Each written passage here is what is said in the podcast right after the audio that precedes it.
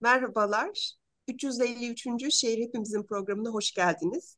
İstanbul Hepimizin girişiminin hazırladığı programda bugün moderatör benim Pınar Uyan Semerci. Ee, çok değerli üç konuğum var. Ee, kendilerini zaten şehir alanında, kent alanında çalışanlarınızın e, tanıdığını düşünüyorum. Üçü de sosyoloji bölümünde farklı üniversitelerdeler. Fırat Genç, İstanbul Bilgi Üniversitesi'nde beraber çalışıyoruz. Begüm Özden Fırat, Mimar Sinan Güzel Sanatlar Üniversitesi'nde ve Tuna Kuyucu, e, Boğaziçi Üniversitesi'nde. Hoş geldiniz. Hoş bulduk. Hoş bulduk. Bugün çok yeni çıkmış bir kitabı konuşacağız. Gerçekten de çok büyük emek verilmiş bir kitaptan bahsedeceğiz. Mülkiyet ve Müşterekler.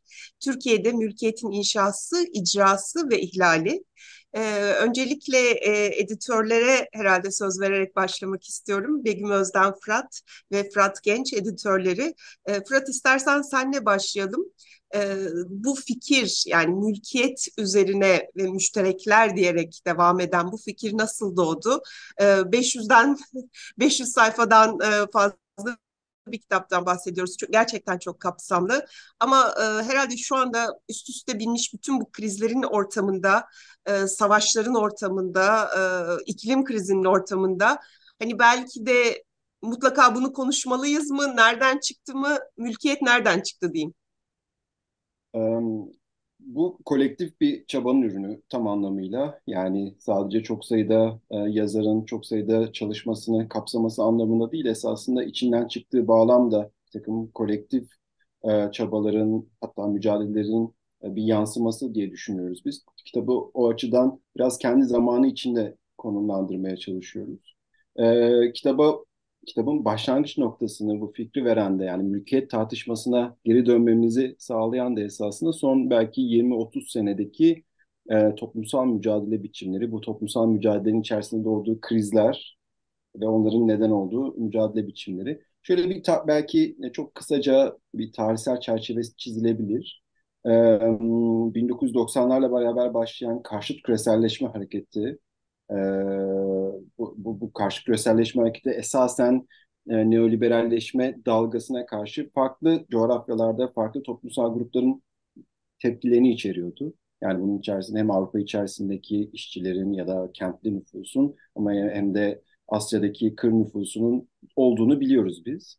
E, bütün bu hareketlere e, heyecanını veren, motivasyonunu veren de esasında çok böyle e, dünya ölçeğinde gördüğümüz bir kitleme dalgası. Yani müşterekler diye bizim düşündüğümüz, düşünmek e, düşünmekte fayda bulduğumuz toplumsal alanlara, mekanlara, ilişki biçimlerine dönük bir tür topyekün saldırıya karşı verilmiş yanıtlardı diye düşünüyoruz bu hareketleri.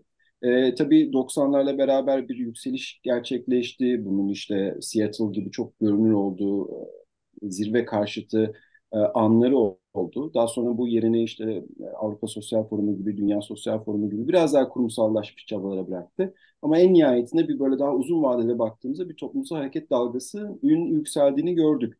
Şimdi bu e, son 10 yıl içerisinde, 15 yıl içerisinde gene inişli kalkışı devam eden, belki bizim bizde Türkiye'de gezi direnişini de dahil edebileceğimiz, hatta dahil etmemiz gereken bir dizi yeni mücadele dalgasıyla beraber belki hala sürmekte olan bir uzun vadeli e, toplumsal hareket dalgası.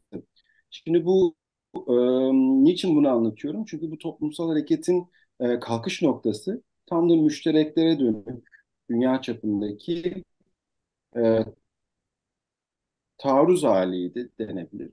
Şimdi bu e, kavramsal olarak da heyecan verici bir mesele bizler açısından en azından. Yani yaşadığımız dünyanın sorunlarını, şimdi bilenler vardır eminim ki ama bu müşterekler ve çitlemeler esasında. Çitlemeler kavramsal. Ben aslında onu bir açıklayayım diyeceğim. Yani daha aşina olmayan hani dinleyicilerimiz, izleyicilerimiz için hani çitleme de, e, müşterekler de birazcık belki başlarken onları da açıklamakta fayda olabilir. Tamam yani çitleme kavramı esasında Karl Marx'tan geliyor. Yani tabii ki onun onun icat ettiği bir kavram değil ama onun üzerine düşündüğü bir kavram. Çok kısa bir metinde e, özellikle İngiltere bağlamında e, ortak kullanıma açık tarım arazilerin, tarım alanlarının yani köylülerin uzun bir zamandır işte belki kadim zamanlardan beri beraber işlediği alanların e, farklı sermaye grupları ve iktidar tarafından e, kapatılmasını, özelleştirilmesini, ortak kullanım biçimlerine den e, ortak kullanım biçimlerine kapatılmasını ima ediyor. Şimdi Marx bu tartışmayı bu ünlü e,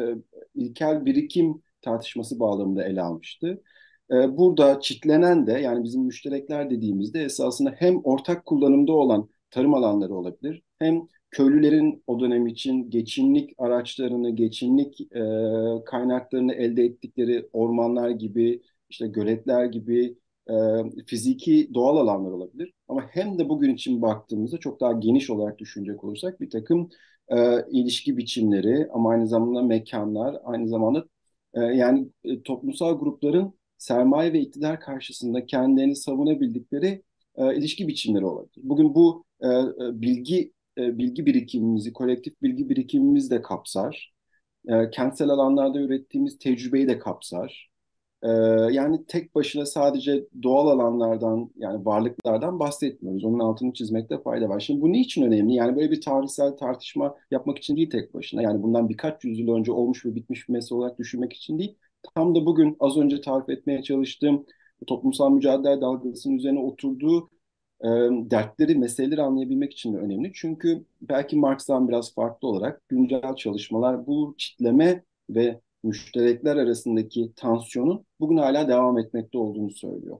Yani bugün hala yani yaşadığımız güncel koşullar altında bunun devam etmekte olan bir e, bir diyalektik olduğunu düşünmek mümkün. Böyle düşündüğümüzde de yani mülkiyet meselesine geri dönmek bizler açısından can alıcı gözükmeye başladı. Çünkü mülkiyet çoğu zaman yani günlük hayatımızda da hatta ana akım akademik çalışmalarda da olmuş bitmiş, tamamlanmış, hukuki formuna kavuşmuş ve üzerinde bir e, bir uzlaşmanın sağlandığı bir kategori olarak düşünülür. Ve çoğu zaman da esasında mülkiyet dediğimizde biz özel mülkiyeti anlarız.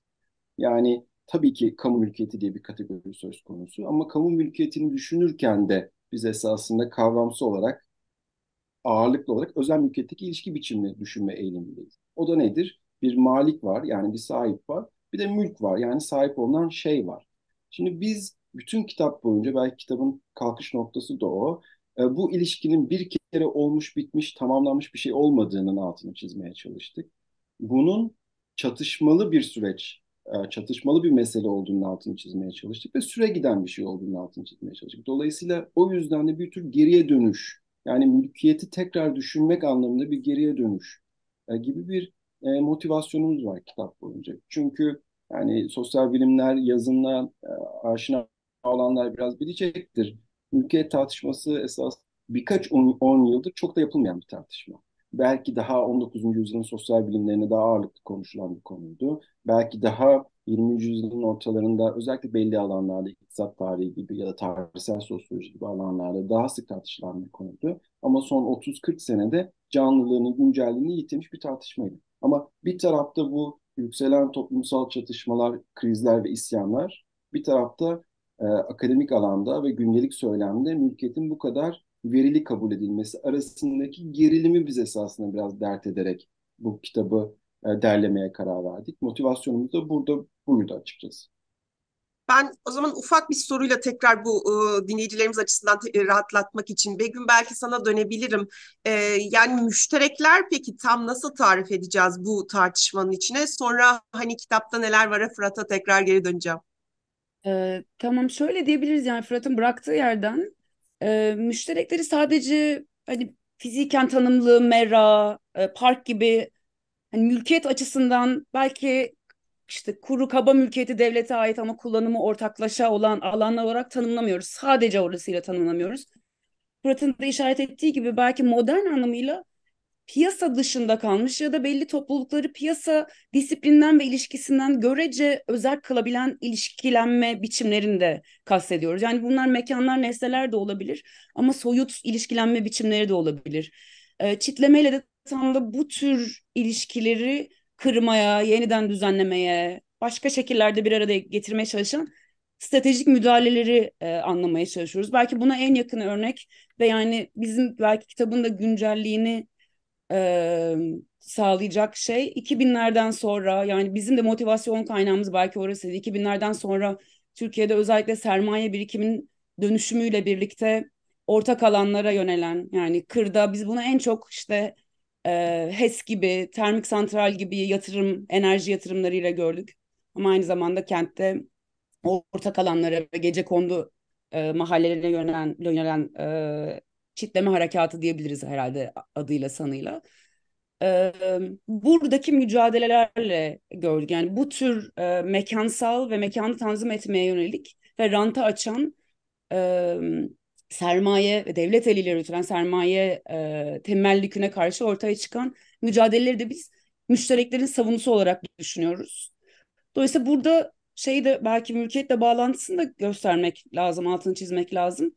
Ee, yani iki belki bir kırdan bir kentten e, örnekle hatırlatmakta fayda var. Yeşil yola karşı ortaya çıkan e, yerel direnişlerde Rabia ya da Hava e, ana olarak hatırlayabileceğimiz e, bir direnişçinin jandarmanın önünde oturarak hani buralar bizim, devlet kimmiş, devlet biziz diye bağırdığı noktayı bir hatırlayalım bir taraftan. Bir tarafta da Fikirtepe'de ünlü işte Fikirtepe inatçısı olarak tarif edilen e, böyle bütün kazının ortasında bir adanın üzerinde e, işte müstakil evini savunmaya çalışan e, şey e, Fikirtepe inatçısı diyelim. Bu ikisi ikonik anlar olarak düşünebiliriz. Burada söz konusu olan e, kentte örneğin özel mülkiyetin acele kamulaştırma gibi bir bir yolla e, temellük edilmesi diyebiliriz belki. Diğeri de e, kırda yeşil yol gibi projeye karşı belki mülkiyetin yani kamu mülkiyeti ve özel mülkiyet arasındaki bir kısa devre olarak düşünebiliriz. Bunlar çok küçük tabii ki simgesel anlar e, ama bu simgeselliğinin ötesinde belki 2000'lere de mülkiyeti tekrar tartışmamıza vesile oldukları için de ve sadece bu tekil e, ve sembolik e, anların ötesinde e, toplumsal sınıflar arasındaki ilişkinin dönüşümüne dair de bize bir şey söylediği için mülkiyete tekrar dönmenin önemli olduğunu düşündük ve bunu da e, sadece bugün için değil aynı zamanda geriye dönerek de yani özel mülkiyetin Osmanlı ve daha sonra Türkiye'de kuruluş sürecini e, ya da bir teviye kuruluş sürecini anlamak için müştereklerin de önemli bir kavramsal yaklaşım sunduğunu düşünüyoruz. Dolayısıyla sadece bugünü anlamak için değil bu e, çitleme, müşterekleştirme ve müşterekler kavram seti işimizde sadece bugün işin yaramıyor.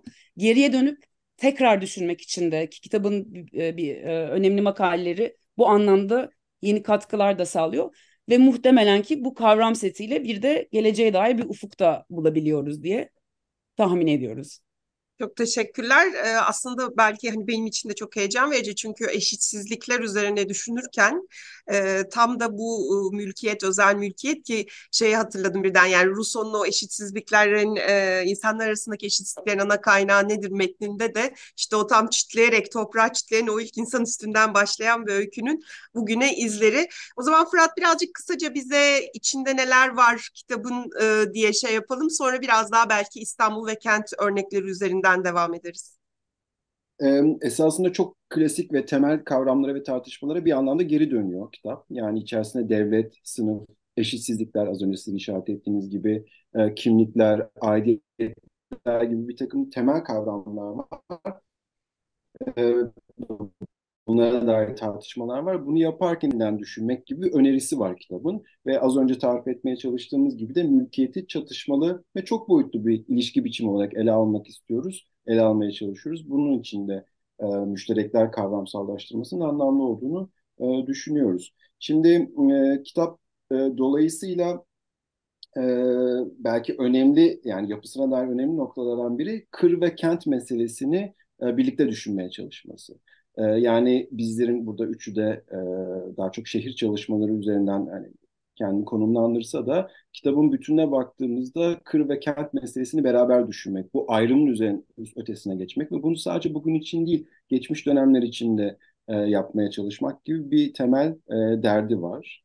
E, bir başka nokta e, e, hayli çok disiplinli bir kitap bu. Yani içerisinde zaten mülkiyet tartışmalarının uzun zamandır yapıldığı daha iktisat tarihi gibi ya da tarihsel sosyoloji gibi alanlardan gelen araştırmacılar olduğu gibi belki ilk elde akla gelmeyecek alanlardan mesela e, antropolojiden, e, görsel çalışmalardan, e, folklor çalışmalarından araştırmacılar da var. Dolayısıyla biz mümkün olduğunca e, bu farklı disiplinlerin birikimini ve bakış açılarını az önce tarif ettiğimiz problematik çerçevesinde birbirine konuşturmaya çalıştık. E, konuşturmaya çalıştık diyorum çünkü çok uzun soluklu bir çalışma oldu bu. Yani yazarlarımıza hakikaten çok müteşekkiriz. Yani keşke hepsi burada olabilseydi. Çünkü her bir yazıyı belki 3-4 versiyon yazdılar. Ee, ilk draftlarını verdikten sonra 4 günlük bir atölye çalışması yaptık. Hem de zor koşullar altında pandemi zamanında. Onlar birbirlerinin yazılarını uzun uzun tartıştılar ve o bahsettiğimiz konuşmayı, diyaloğu yani disiplinler arasındaki diyaloğu hakikaten bu problematik çerçevesinde işletebildiğimizi düşünüyoruz. E, kitabın yapısı da biraz bunu yansıtıyor. Tek tek bütün yazarları ve yazıları saymayacağım burada ama üç temel bölümü var e, kitabın. E, ilkinde daha çok e, Türkiye bağlamında elbette ki, yani Osmanlı Türkiye bağlamında özel mülkiyetin inşasına odaklanıyoruz. Bunun içerisinde hem 19. yüzyıldaki tartışmaları ve olguları ele alan daha e, iktisat tarihçilerinin ve tarihçilerin yazdığı, kaleme aldığı e, metinler var. Hem de Cumhuriyet dönemine e, gelen metinler var. Biz burada mülkiyetin tarihsel inşasını sadece 19. yüzyılda literatürde çokça işaret edilen, haklı olarak işaret edilen bir dönem bu. O dönemde olmuş bitmiş bir mesele olarak değil, bugüne kadar devam eden kendi çatışmalarını, müphenliklerini ve kesinlikleri yaratarak belki devam eden bir süreç olarak ele alıyoruz. Dolayısıyla işte 19. yüzyılda Balkanlarda, kırsal alanlarda ortak mülkiyet ilişkilerinin ve müştereklerin nasıl konumlandığından başlayan yazılar olduğu gibi 1990'larda ve 2000'lerde Türkiye'de, İstanbul'da özellikle e, konut piyasasındaki ilişkilerin nasıl tanımlandığını tartışan da yazılar var. Dolayısıyla böyle bir spektrum içerisinde biz bu tarihsel inşa meselesini alıyoruz. İkinci kısmı burada da altı e, metin yer alıyor. Özel mülkiyetin icrası dediğimiz yani performansına odaklanan e, araştırmalar ve yazılar var. Çünkü mülkiyet az önce işaret ettik ya e, çatışmalı bir mesele ve süreyen inşası olan bir mesele olarak düşünecekse eğer toplumsal performanslar, bunun icra edilme biçimleri, kurulan kültürel anlam dünyaları ve duygu yapıları çok kritik. Dolayısıyla kitabın e, temel dertlerinden biri bütün olarak baktığımızda sadece hukuki bir mesele ya da sadece ekonomi politik bir mesele gibi düşünmüş olan mülkiyeti esasında toplumsal alanın farklı katmanları içerisinde bir arada düşünmeye çalışmak. İkinci kısım e, bu, bu alandaki araştırmacıların e, yazılarından oluşuyor. Son kısımda ise bizim ihlal dediğimiz yani özel mülkiyetin nasıl ve ne ölçüde ve ne derece ihlal edildiğini ele alan yazılar. Burada da gene dört e, yazı var. İkisinin yazarı, iki yazının yazarı e, burada. E, burada da hem kıra ama hem de kentsel alana odaklanan e, çalışmalar var ve temel derdimiz tabii ki özel mülkiyetin aynı zamanda sürekli ve sürekli ihlal edilen Dolayısıyla müşterekleştirme pratikleriyle belki altı oyulan, buna karşı farklı ve karşıt mülkiyet kategorilerinin ortaya konduğu bir alan, bir çatışma alanı olduğunu işaret etmek. Ama bu da şöyle anlaşılmasın, e, böyle bir basitçe direniş e, ve e, e, iktidar ve direniş gibi bir yerden değil, bunun süreyen bir mesele olduğunu ve kendi müpemliklerini yaratan bir mesele olduğunu işaret etmeye çalışıyoruz. Zaten birazdan herhalde Begüm de Tuna da kendi yazıları üzerinden işaret edecek. Bu her zaman da özel mülkiyetin ortadan kaldırılmasıyla sonuçlanmıyor mevcut e, konjonktürde ya da toplumsal ilişkiler bağlamında. Totalde yani 3 kısımdan oluşan 17'den 17 yazıdan oluşan bir hacimli çalışma bu. Gerçekten de ellerinize sağlık. E, bu dönemlerde çıkan bu tür ürünler için e, hepimiz arka planda bu tür şeylerle uğraştığımızda ne kadar zorlandırdığımızı bildiğim için yani krizlerden krizlere işte pandemi sonrası deprem bütün bunların e, hepimizde yarattığı birçok soruyla beraber bu emekler veriliyor. O yüzden tüm yazarların e, emekleri çok kıymetli, çok değerli. Belki şöyle bir şey yapabiliriz yani bu üçüncü bölüme daha sonra odaklanmak üzere ilk iki bölümle ilgili Begüm eklemek istediğin var mı? Mı? Yani hani şu benim açımdan önemliydi ya da hani Fırat'ın söylediklerini eklemek istediğin sonra biraz sizin makalelere geçelim. Ee, belki şunu ekleyebilirim yani e, bizim için hani üç bölüm var e, icra, e, inşa, icra, ihlal ama bunları çapraz kesen ve aslında atölyeler sırasında belki yüzeye gelen ve birlikte keşfettiğimiz birkaç mesele daha var. Belki onun altını çizebilirim. Yani bunu e, sahip olma ve sahip çıkma ikiliği yani elbette ki bu böyle bir e, karşıtlık değil ama bunun üzerinden tarif edebiliriz. Bu bütün metinin içerisinden akan ve e, dikkatli okuyucu belki keşfedebileceği bir e, tartışma başlığı. Biz giriş kısmında da işaret etmeye çalıştık ama yani malik olanın yani mülk e, mülkiyet iddiasına ve hakkına sahip olanın e, malına ve mülküne sahip çıkamadığı durumların da söz konusu olduğunu örneğin Sevinç Doğan'ın e, metninde bulabiliyoruz. E, Maltepe Büyük Bakkalköy'de e, gavur malından e, e, mübadillerin nasıl mülk yaratamadıklarına dair. En azından Fırat'ın bahsettiği örneğin e, duygusal ilişkiyi yani mülkiyeti sadece bir ekonomi politik üzerinden okumayacaksak e, performanslara ve gündeliğe dair, gündelik kullanımlara dair e, pratiklere bakacaksak örneğin küçük e, büyük Bakkalköy'de böylesi bir sahip çıkma e, dinamiğinin altını nasıl ve hangi sahiplerle oyulduğunu yani bir Rum köyünde eski bir Rum köyünde bugünkü e, sahip çıkamama e, meselesine odaklanıyor. Diğer yandan aslında Duru'nun e, mülkiyetin platform temelli icrası metninde de tam tersine e, tapuda mülk olarak gözükmeyen ev sahiplerinin e, Airbnb gibi e, ya da e, IKEA'dan evlerin döşeme pratiklerine odaklanarak aslında bize e, malik olmayanların e, konuta nasıl sahip çıktıklarını gösteriyor. Bu örneğin birbiriyle konuş hiç konuşmayacağını düşündüğümüz iki e, makalenin özel mülkiyet üzerinden onun nasıl performe edildiği ya da edilemediği durumları anlatması açısından e, önemli buluyoruz. Belki bu ikiliyi ya da bu e, sahip çıkma ve sahip olma arasındaki ilişkiyi diğer metinlere de yayarak düşünmek mümkün.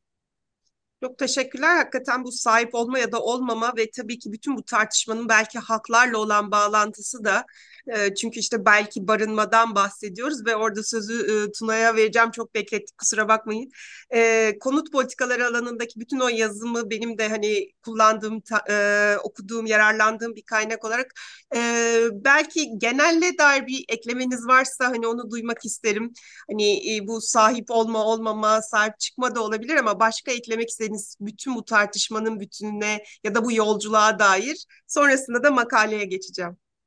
Tabii e, bu müşterekler tartışmasına dair birkaç bir şey söylemek e, ben de istiyorum. Aslında bizim makale, benim makalem değil bu arada. Doğukan'la evet. beraber yazdım. E, aslında birinci e, yazar da Doğukan. E, bizim yüksek lisans öğrencimiz şimdi doktora yapıyor kendisi. Makaleyi konuşurken tekrar e, o künyesini tanıtırım.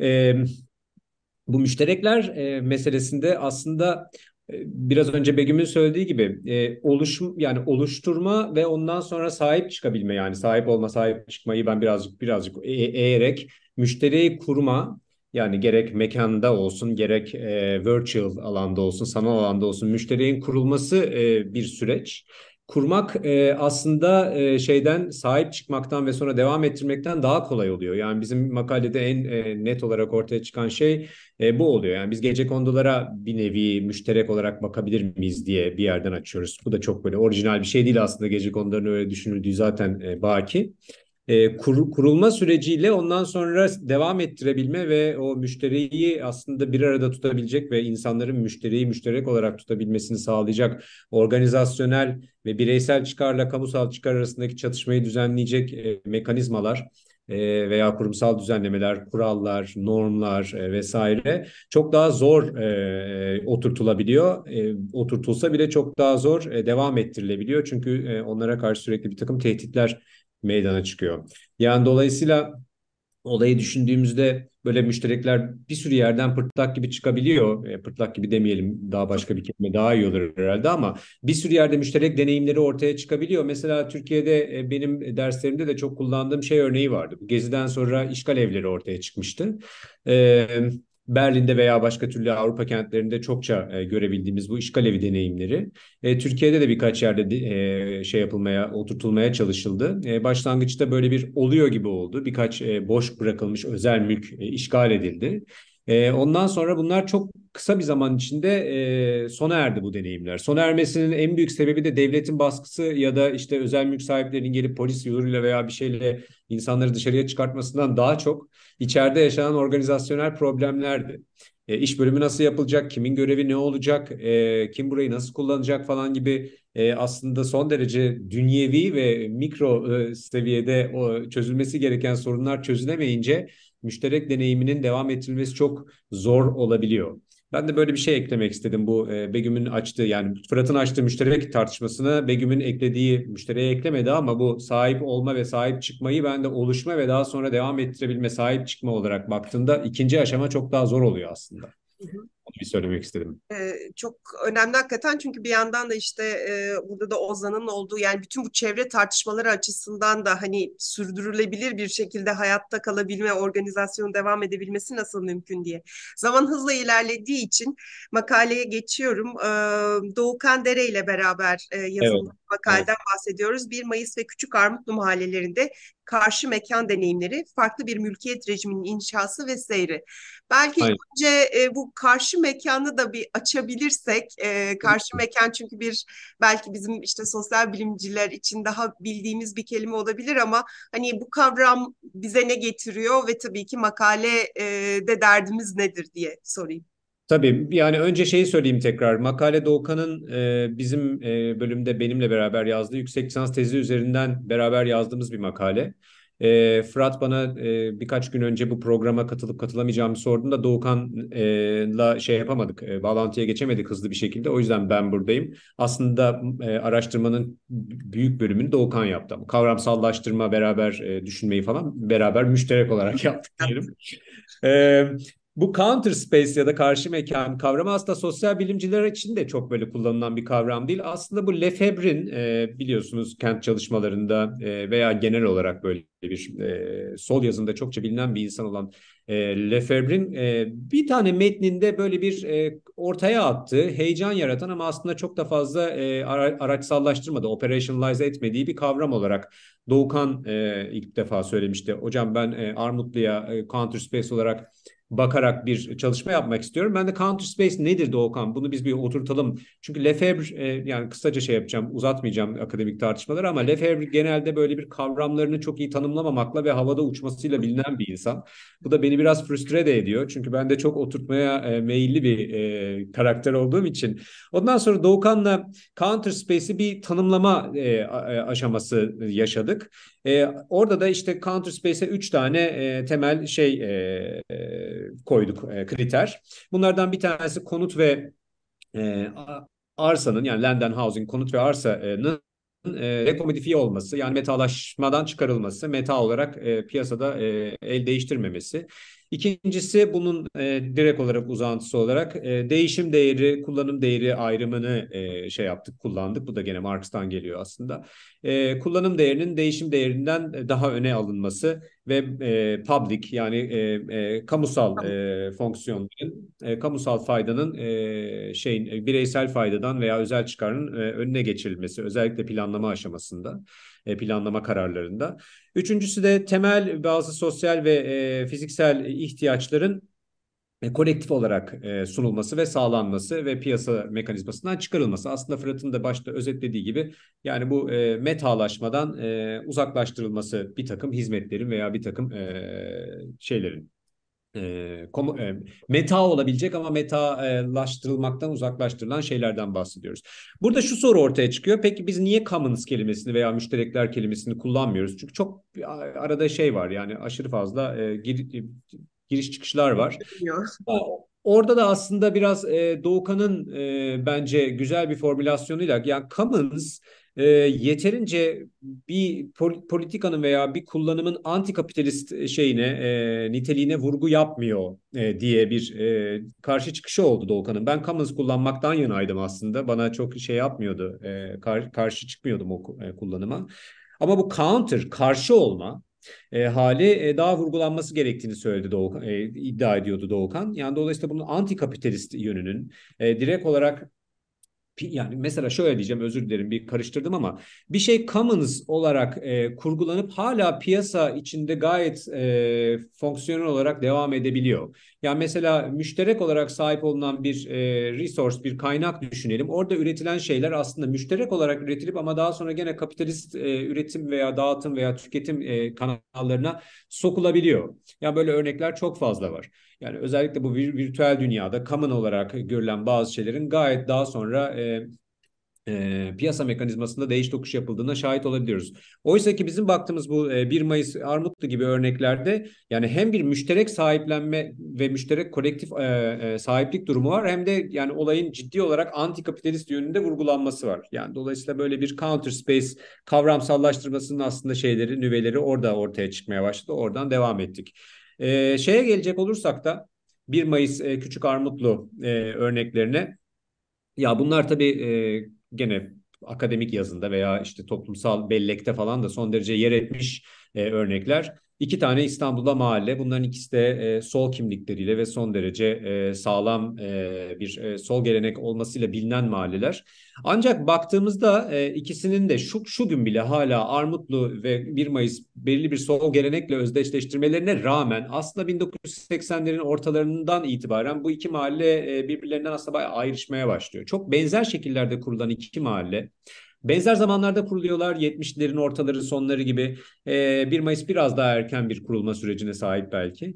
E, benzer gruplar tarafından kuruluyorlar. E, ancak 80'lerin ortalarına özellikle darbe sonrası işte demokratikleşme daha doğrusu işte siyasi olarak demokratikleşme diyelim. Full demokratikleşmeden bahsetmemek için süreçleriyle beraber 1 Mayıs'ın aslında son derece e, sol geleneğini veya ideolojik olarak sol tonlansını tutması ama mekan politikalarında, konut politikalarında, konutun oluşumunda ve fiziksel görünümünde diğer e, legalleşen ve e, ticari e, şeyleri kanallara eklemlenen gecekondu mahallelerine son derece benzediğini ve daha sonra gecekondu statüsünden de zaten çıktığını görüyoruz. 1 Mayıs Mayıs'ta bunu devam ettiriyor halen.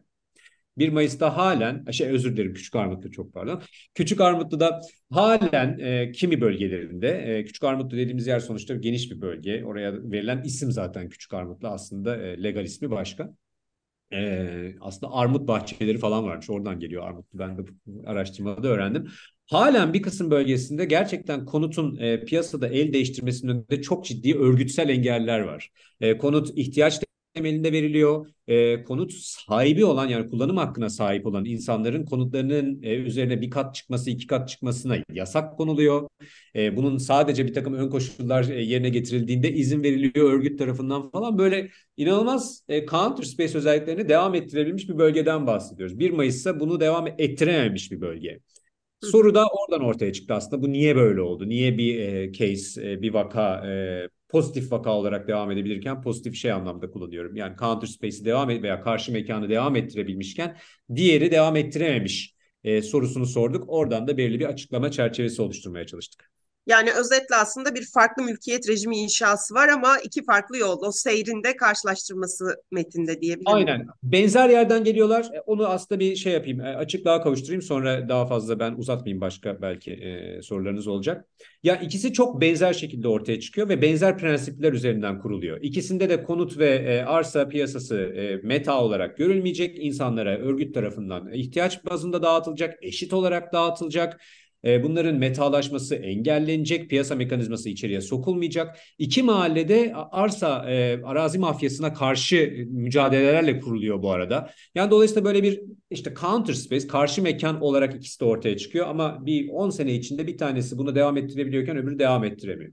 Biz de bunu anlamaya çalıştık e, buradan hani nereye vardık demeyeyim okuyucular öğrensin diye bırakabilirim ama hani yok hani mutlaka şunu söylemek lazım yani şöyle bir temel e, değişken var ya da şunlar etkili oldu diye belki çok kısa onu da toparlarsak çünkü dediğim gibi zaman o kadar hızlı akıyor ki birkaç şeyi daha e, vurgulamak istiyorum. Tabii tabii. Ee, çok kısa ben üç tane biz e, faktör sayıyoruz. Hepsini uzun uzun anlatmayacağım.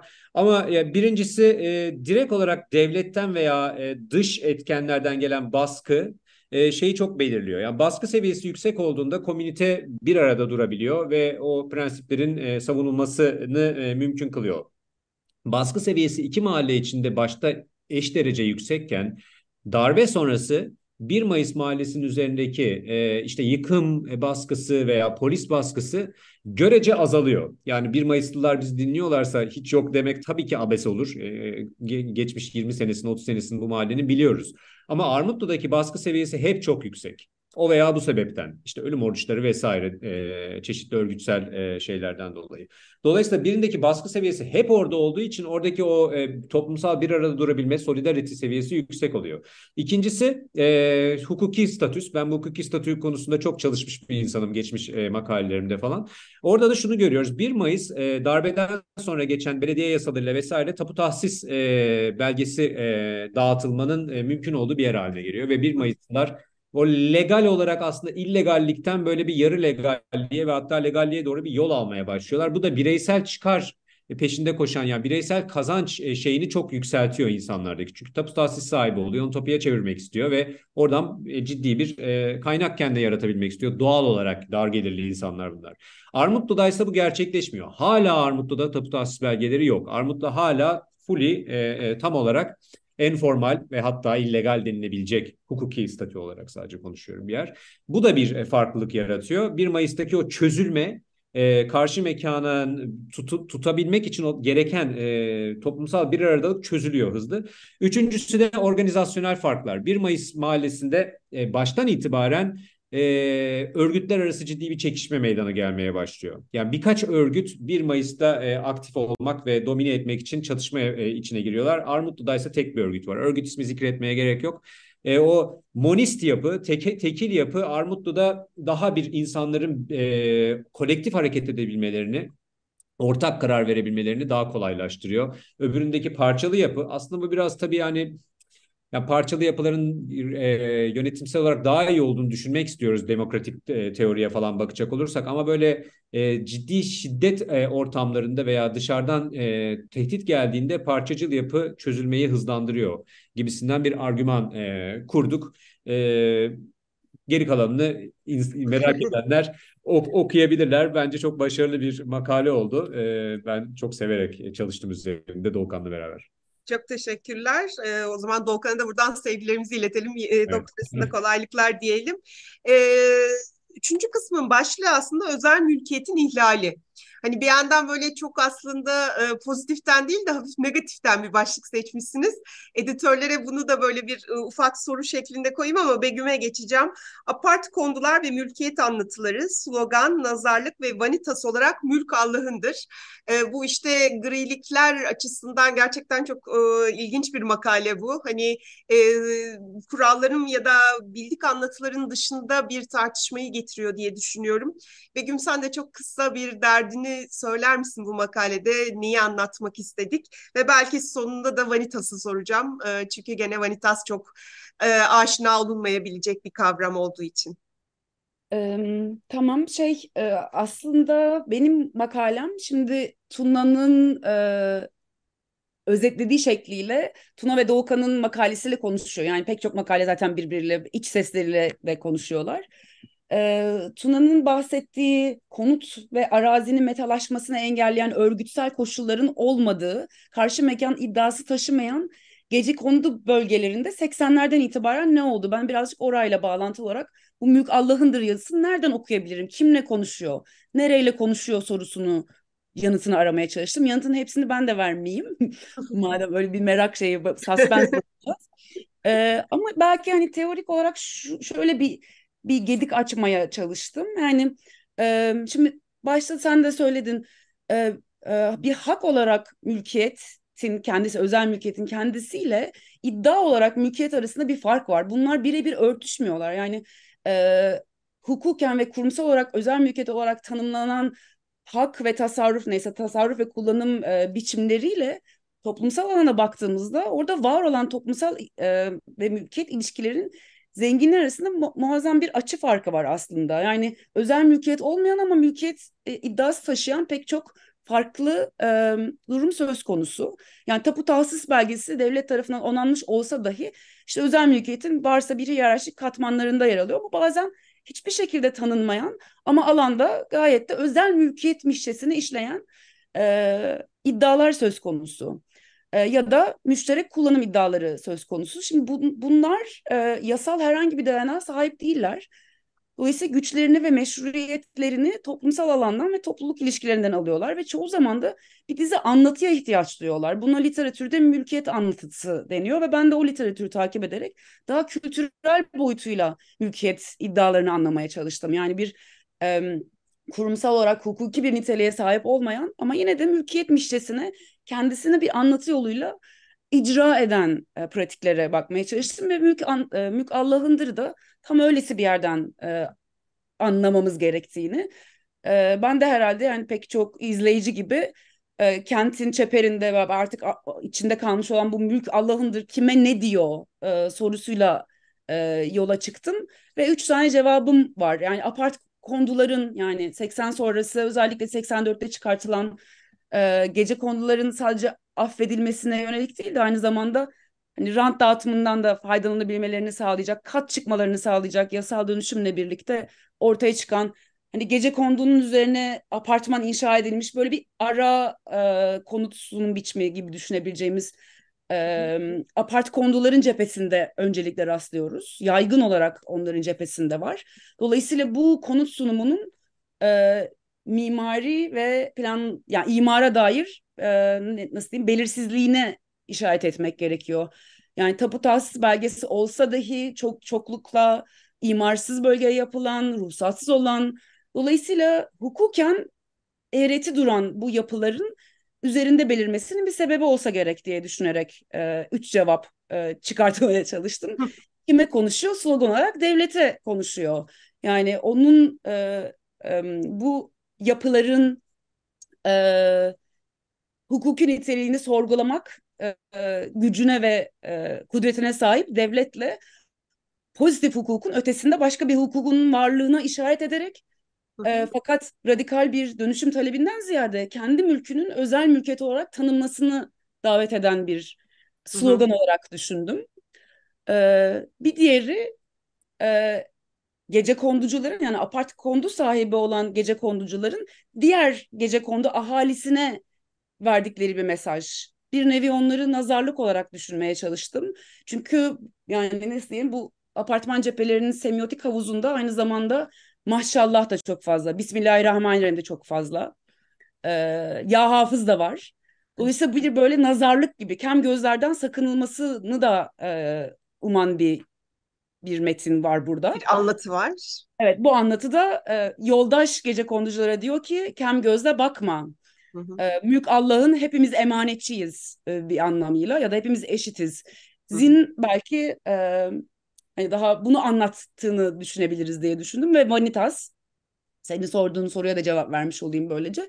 E, bir diğer şey de e, anlatının dinleyicisi olduğunu düşündüğüm toplumsal sınıf ise kentli e, orta sınıflar. E, onlara da e, mülkün geçiciliğini, yani özel mülkün geçiciliğini e, hatırlatan bir vanitas. Vanitas da 17. yüzyılda işte Hollanda'nın altın çağında üretilmeye başlayan bir janr, e, bir e, natürmort biçimi. İşte kuru kafa, e, kum saati, solmuş çiçekler işte e, le hatırlayabileceğimiz e, izleyicisine hayatın faniliğini, geçiciliğini, e, işte e, kibrin e, yerine nezaketi hatırlayabilecek, hatırlatmayı amaçlayan bir e, janrı diyelim. Bir vanitas gibi bunu e, Esra Ali Çavuşoğlu'ndan esinlenerek aslında e, kullandım. O İslami vanitas diyor.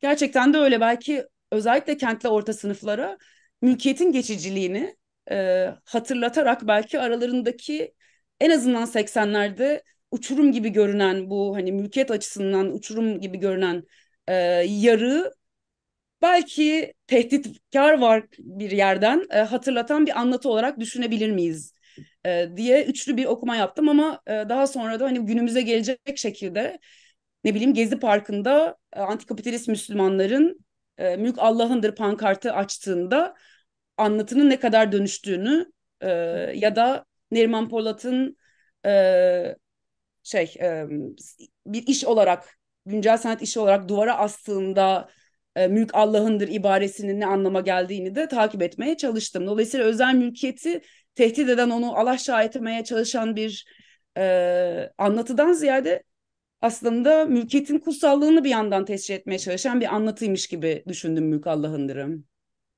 Çok teşekkürler. Aslında biz herhalde çok fazla sayıda soru çıkardık. Ee, sorulara gelemeden e, süremiz bitti. O yüzden e, toparlıyorum acil olarak. E, şunu belki söyleyeceğim. Bu üçünün arasındaki ilişki de yani slogan, nazarlık ve vanitas aslında sonuçta birbiriyle çok ilişkisel ortaklıklar ve bir açıdan da çok büyük farklılıklar içeriyor. Belki onu da başka vesilelerle konuşma imkanımız olur diyeyim.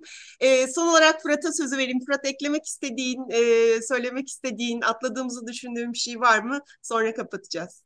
Ya atladığımız düşündüğüm bir şey yok ama konuşacak çok şey var mutlaka. Ee, yani çok kısaca şunu söyleyebilirim. Tabii bu kadar yani bir, bir, bir çalışmanın her şeyi tüketmesi mümkün değil. Bu kitabın böyle bir iddiası da yok. O yüzden biz mümkün olduğunca bu mülkiyet meselesine geri dönüp e, bazı soruları yeniden sormak. Bizim hocalarımızın bir zamanlar yaptığı tartışmalara belki başka bir lensle, başka bir perspektifle geri dönmek ve böylece daha yaşadığımız hayattaki karmaşaları, karmaşıklıkları, müphemlikleri yeni bir bakış açısı ele almaya çalıştık. Dolayısıyla e, esas derdimiz belki yeni soruları tetikleyebilmek. E, kitap tabii ki her şeyi, her tartışmayı tüketme iddiasında değil. İster istemez kaçınılmaz olarak toprak meselesi, arazi meselesi, arsa meselesi yani bu işler daha orta yerinde duruyor. Mülkiyet tartışmasında her zaman böyle olmuştur. Ama şunu da söylemek lazım.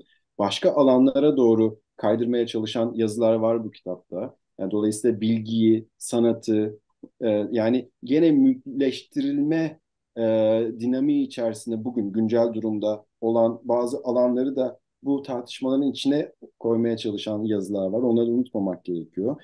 Dahası toprak meselesi gibi klasik tartışmalara başka önemli tartışmaları ve dertleri eklemleyerek geri dönen hem tarihsel boyutuyla hem güncel boyutuyla yazılar var. Diyelim daha somut olarak konuşacak olursam mesela 19. yüzyıldaki toprak tartışmalarına e, Seda Altun yazısında olduğu gibi daha etnik gerilimleri, milletler arasındaki milliyetçilik çatışmalarını bir arada düşünmeyi öneren, bu iki süreç, iki büyük süreç arasındaki karşılıklı kuruculuk ilişkisine vurgu yapan yazılar var.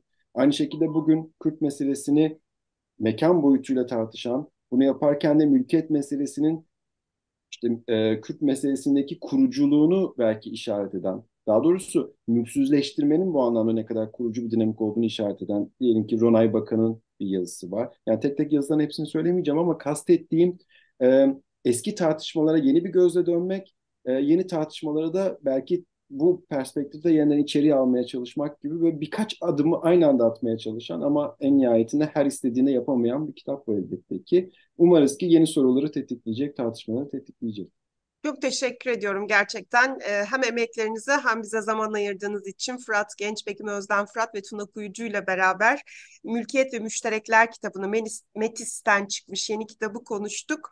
Ee, sorular daha fazla e, yeni sorular açsın dedi. Yeni sorular kesinlikle açıyor. Okuyucusu bol olsun diyorum. Herkese iyi bir hafta diliyorum.